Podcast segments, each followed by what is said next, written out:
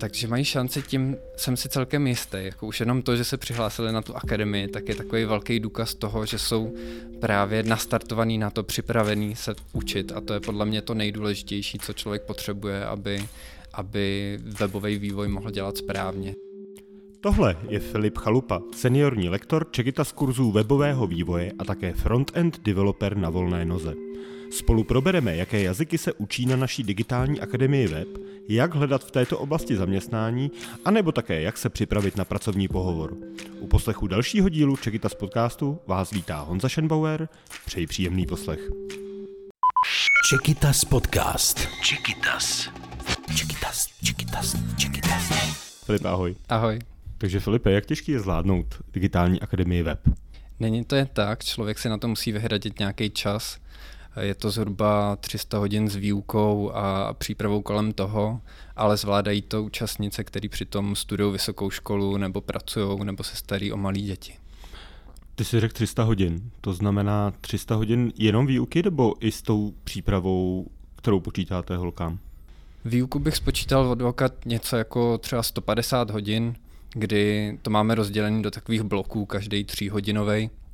Ono se to pak za ty čtyři měsíce nasčítá, ale do toho tak máme nějaký domácí úkoly, přípravu různě kolem toho, takže takže řekněme, že těch 300 celkem. Takže, takže je to zhruba polovina práce doma a polovina jako na projektech a na různých úkolech a druhá polovina je ta, ta reálná jako výuka. Asi tak. Co tě přijde nejtěžší, nebo s čím mají ty účastnice největší problém podle tebe v rámci těch čtyř měsíců? Je hodně důležité udržet tempo, protože to máme všechno na skládání těsně za sebou, takže když si někdo na chvilku dá pauzu, tak je pak těžký dohánět ten rychlík. Prostě je potřeba počítat s tím, že, že je to hodně intenzivní. Tak, teďka jsem účastnice, který ujel vlak a třeba kvůli nemoci nebyla na dvou, na dvou kurzech nebo na dvou hodinách, na dvou školicích hodinách. Jak, co musím udělat, abych ten vlak chytil a je to vůbec možný? Všechny lekce tak nahráváme, takže kdyby, kdyby náhodou člověk něco vynechal, tak si to může zkouknout ještě, ještě později. Případně uh, v tom týmu, co se o ty účastnice stará, tak je nás spoustu a snažíme se prostě věnovat maximum, takže kdyby někdo nestíhal, tak můžeme pomáhat třeba přes, přes zprávy nebo si i zavolat zvlášť mimo lekce a, a když tak dovysvětlit něco, co není jasný. Takže to není fatální, když někdo zmešká prostě jednu hodinu nebo dva týdny, když, když je nemocný nebo potřebuje, nemá hlídání na děti, tak, tak ještě se furt může do toho kurzu dostat dál. Jo, stane se, že, že někdo na chviličku vypadne, ale je potřeba rychle to nahodit a zase, zase dohnat. Jaká je struktura té digitální akademie web? Eh, když to popíšeš teďka, můžeš asi celou tu digitální akademii, co se učíte v jednotlivých měsících třeba? Máme to rozdělené na takový tři hlavní pilíře, kdy v jednom, v jedné té části tak se věnujeme HTML a CSS. HTML tak to je jazyk, ve kterém se píše obsah webu, takže texty, nějaký nadpisy, obrázky a podobně. Pak k tomu se váže ještě CSS, aby to nějak hezky vypadalo, takže další jazyk, který dává webům barvu, nějaký dekorace, velikosti písma a podobně. Takže to by byl ten jeden pilíř. Tomu dáme několik bloků, zhruba tak dva, tři týdny. Pak navazujeme JavaScriptem, což je třetí jazyk, který web oživuje, tak aby byl dynamický, aby reagoval na to, když uživatel na něco kliká a věci se trošičku více hejbaly a, a prostě komunikoval ten web s tím, s tím návštěvníkem toho webu.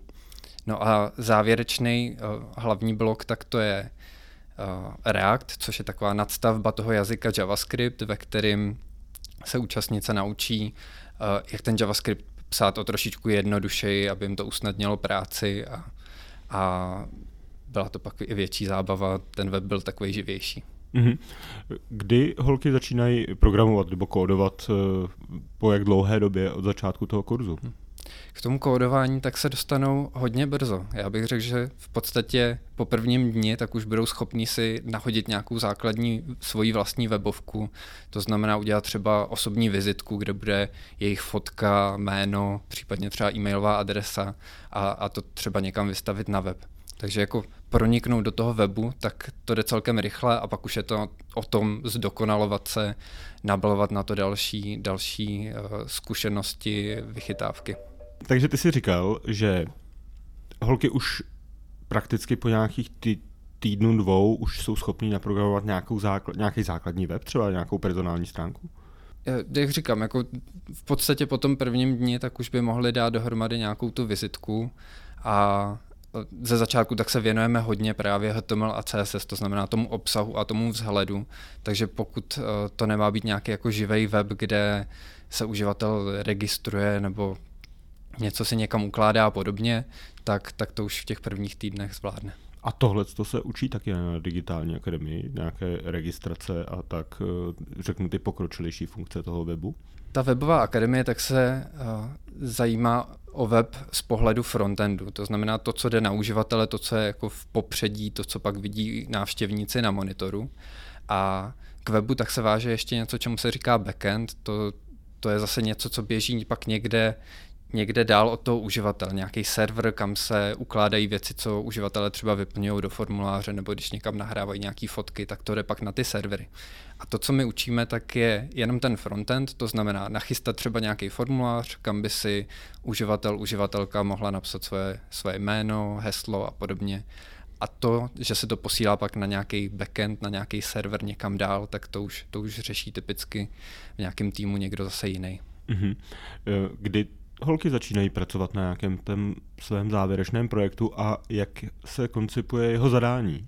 Součástí celého toho kurzu tak je i závěrečný projekt, který dělají účastnice ve dvojicích. A to, na jaký téma to bude a jaký dvojice si ty účastnice mezi sebou utvoří, tak to, to běží v podstatě už od začátku, že účastnice už, už to ví Od začátku dopředu. jsou vytvořené dvojice, kdy uh, holky už spolu koordinují nějaký ten svůj projekt? Dost často to tak dopadá, že jak už je ta znalost jako předem daná, že to účastnice ví, tak, tak většinou už se nějak párují i předem, ale není to úplně nutný. Většinou uh, jako ten termín, kdy je potřeba si utvořit dvojici a rozmyslet nějaký ten, ten projekt, co budou dělat, tak je potřeba někdy uprostřed, takže po, po dvou měsících něco takového. Eh, jaký bývají nejčastější ty projekty? Co nejčastěji holky dělají?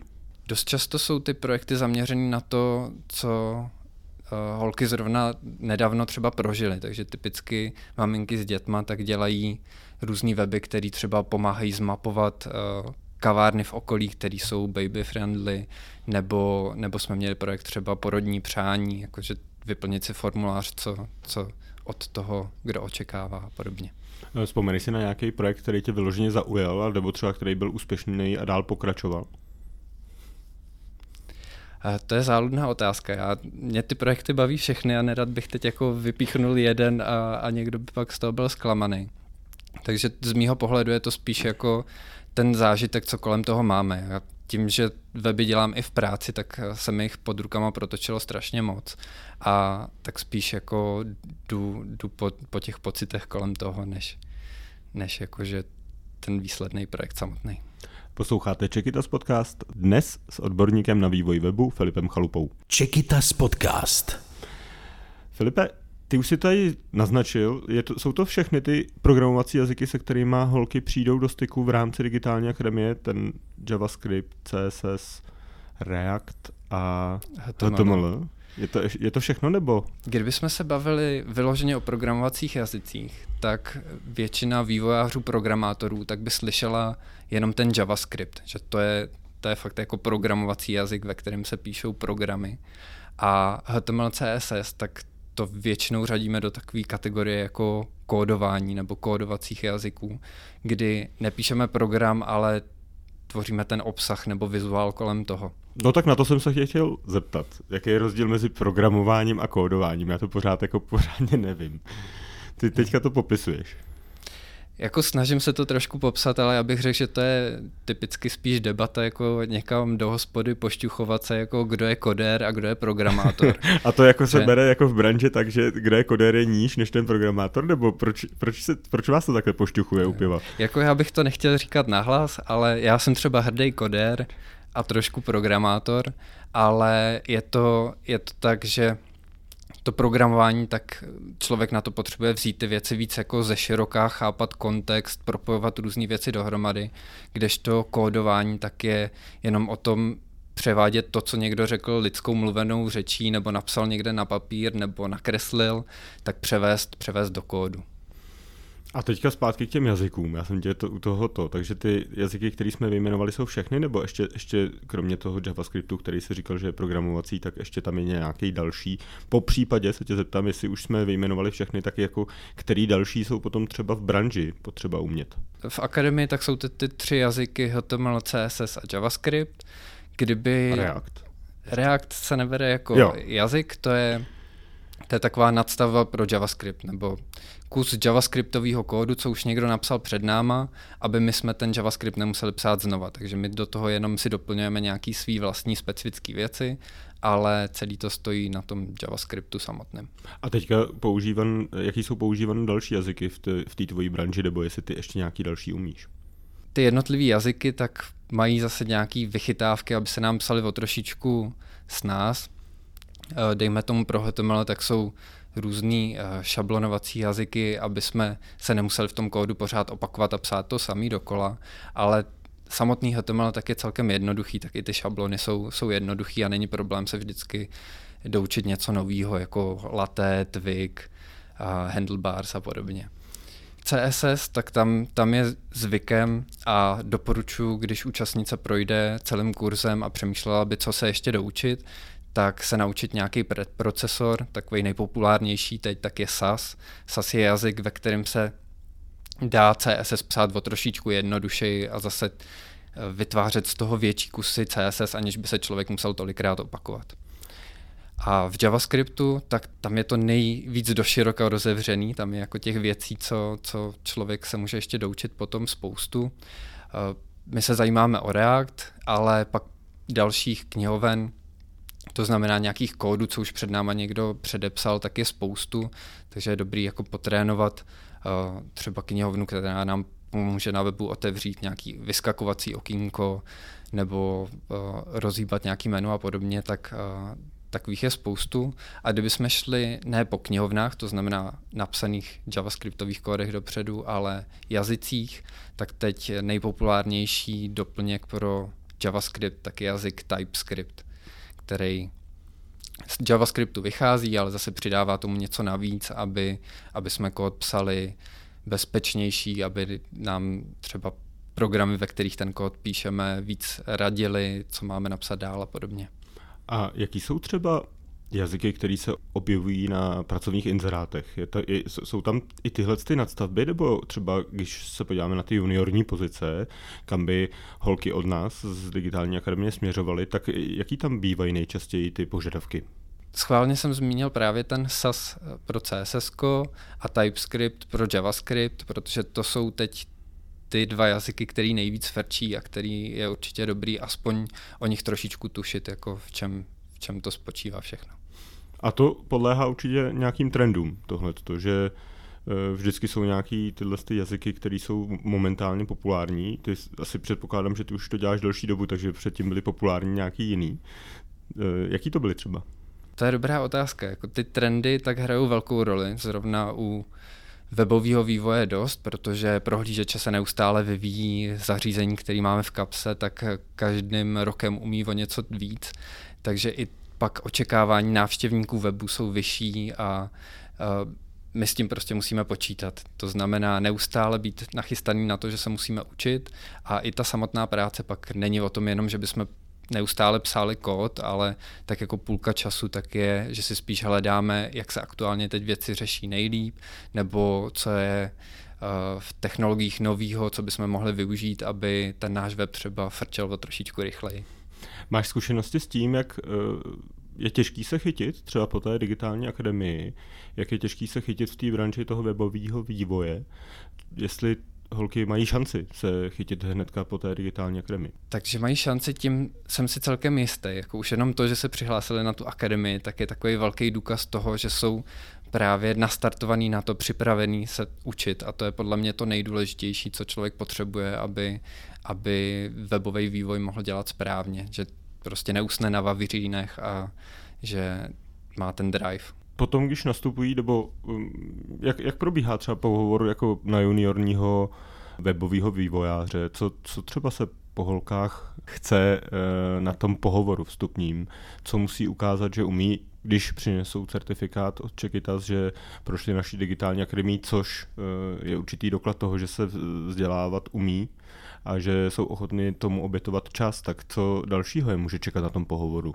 Já mám třeba pocit, že na těch pohovorech to nutně až tolik nestojí. Že já bych třeba řekl, že uh, velký důraz je dobrý klást na to mít připravený nějaký portfolio. Třeba zvykem u vývojářů je tak mít účet na GitHubu, kam se dá odkládat různý kód, takže já doporučuji uh, si zkoušet různé věci a zveřejňovat to tam. Mně třeba osobně, když jsem poprvé nastupoval do práce, tak to moc pomohlo, že můj pohovor vlastně nebyl ani, že by se mě zaměstnavatel ptal, co mi jde, co umím, ale jenom jsme se bavili o tom kódu, co mám na tom GitHubu a proč jsem věci udělal tak, jak jsem udělal. Dochází tam třeba i k nějakým testům, nebo jenom se, když, když by slečna žena neměla ten GitHub nebo neměla ho dobře naplněný tím svým kódem, tak eh, jak potom se zjišťuje, jakou má znalost a jestli má tu dostatečnou znalost? Různé firmy to mají nastavený různě. Já jsem měl teda to štěstí, že u mě se koukalo jenom na ten GitHub, ale jako jsou, jsou i pohovory, kde, kde se dělají nějaký testy. Vlastně si vzpomínám, že i já jsem před deseti lety jeden takový, takový pohovor zažil, že uh, se po mně chtělo vypracovat nějakou mini webovku podle zadání a, a pak uh, ten potenciální zaměstnavatel koukal, jak jsem ty věci řešil. Ale zase, jak říkám, jakože má smysl dělat nějaký takovýhle pokusný web, když už bych na svém profilu jich měl uh, několik, takže já fakt doporučuji jednak teda součástí akademie je udělat nějaký projekt, takže ten, ten tam hezky zveřejnit, aby to bylo vidět a, a pak si zkusit něco, něco i vlastního nebo pro kamaráda, kamarádku a, a na tom jednak sebe zlepšit a pak i do budoucna líp prezentovat. Kdy si holky začínají hledat tu práci? Je to až po konci té digitální akademie nebo už v průběhu? A pod otázka, jaký by si jim doporučil hledat pozice na, na, na tom webu a kde třeba?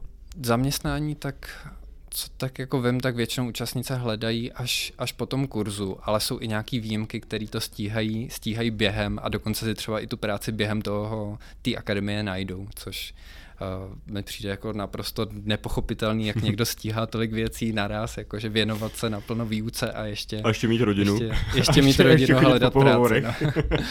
no a jinak jako podle čeho vybírat nebo na co se zaměřit, tak je dobrý koukat v inzerátech na to, jestli se tam zmiňuje web, jestli je to pozice pro frontend vývojáře. A Měli by hledat frontend vývoj určitě, určitě frontend, mm-hmm. nebo aspoň to je to, co my je naučíme, takže uh, koukat A jsou i nějaké další pozice, které můžou, který můžou hledat, kromě toho frontend vývoje v rámci té svojí specializace? Tak zase je pár výjimek, co, co během akademie stihlo třeba koukat i trošičku po backendu a jak se píšou servery a podobně, ale my jdeme fakt vyloženě po frontendu. Když už jim to vyjde a na, na nějaký ten pohovor je pozvou, a je tam otázka na požadovanou mzdu nebo plat. Co bys jim řekl, že, si, že mají říct, protože řekněme, že holky nemají tu sebe důvěru, očekávají, že ještě budou hodně, hodně od té firmy získávat, hodně znalostí, tak logicky si neřeknou o vysokou, vysoký, vysoký plat. Co, by si, co jim doporučujete v rámci tohohle toho i v rámci těch kariérních uh, poradenství?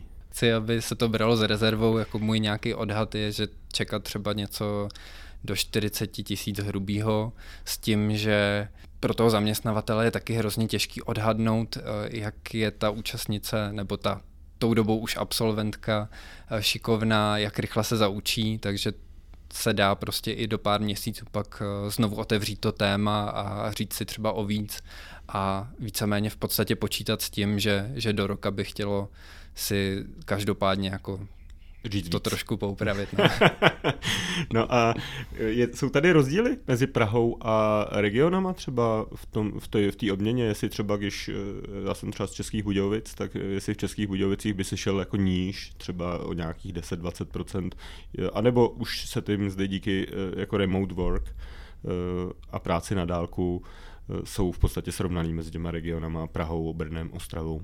Pořád je to znát, že jako i když tady máme nějakou práci na dálku, tak, tak ta Praha, případně Brno, tak tam se dá očekávat něco uh, něco navíc, už jenom tím, že tady máme třeba dražší, dražší nájmy, ale když už zmiňuješ ten, ten remote, tu práci na dálku, tak uh, když jako na to někdo má, někdo se na to cítí, tak se dá přemýšlet i po zahraničí, kde, kde ty odměny můžou být klidně i dvakrát větší, ale zase vyžaduje to lepší znalost například angličtiny, nebát se toho cizího prostředí nebo, nebo se tam dokonce, dokonce přestěhovat jako do Londýna nebo někam do Ameriky. No i takové účastnice máme, které nastoupily po naší digitální akademii do zahraniční firmy. To musím říct, že i, i máme několik příkladů jako úspěšných absolventek.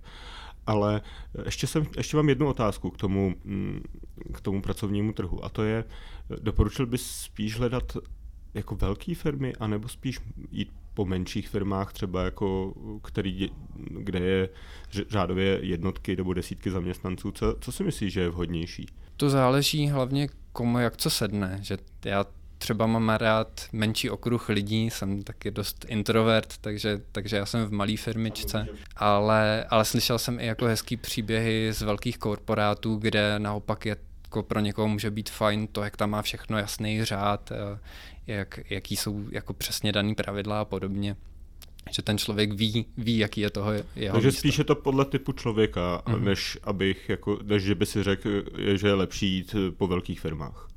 Jo, já bych se zajímal hlavně o to, co, co vám sedne a, a nic víc jako asi roli tolik nehraje.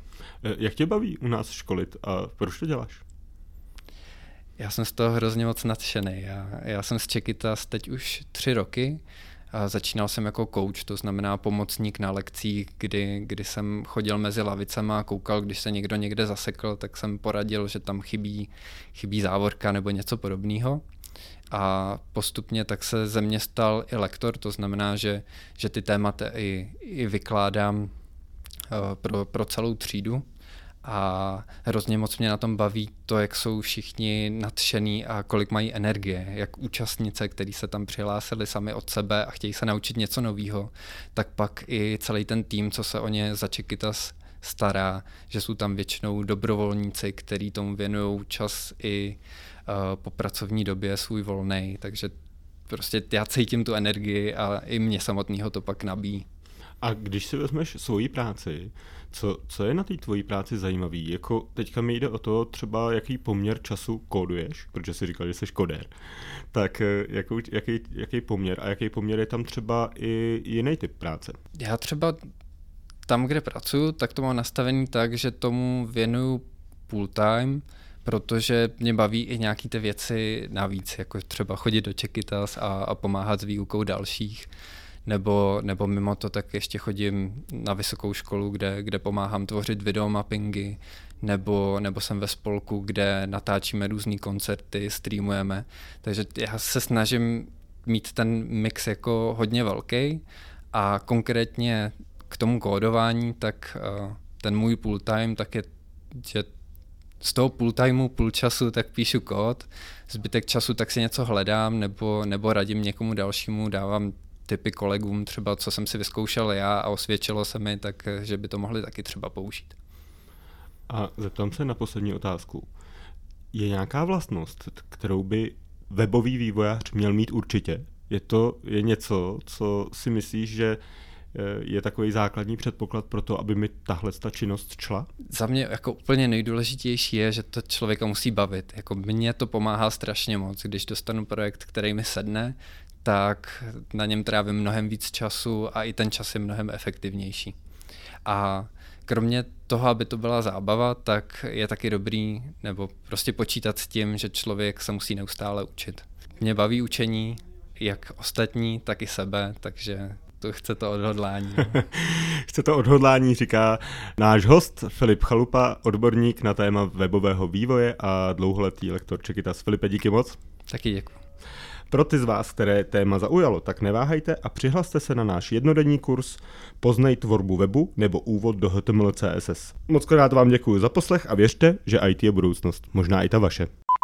Čekytas podcast. Čekytas.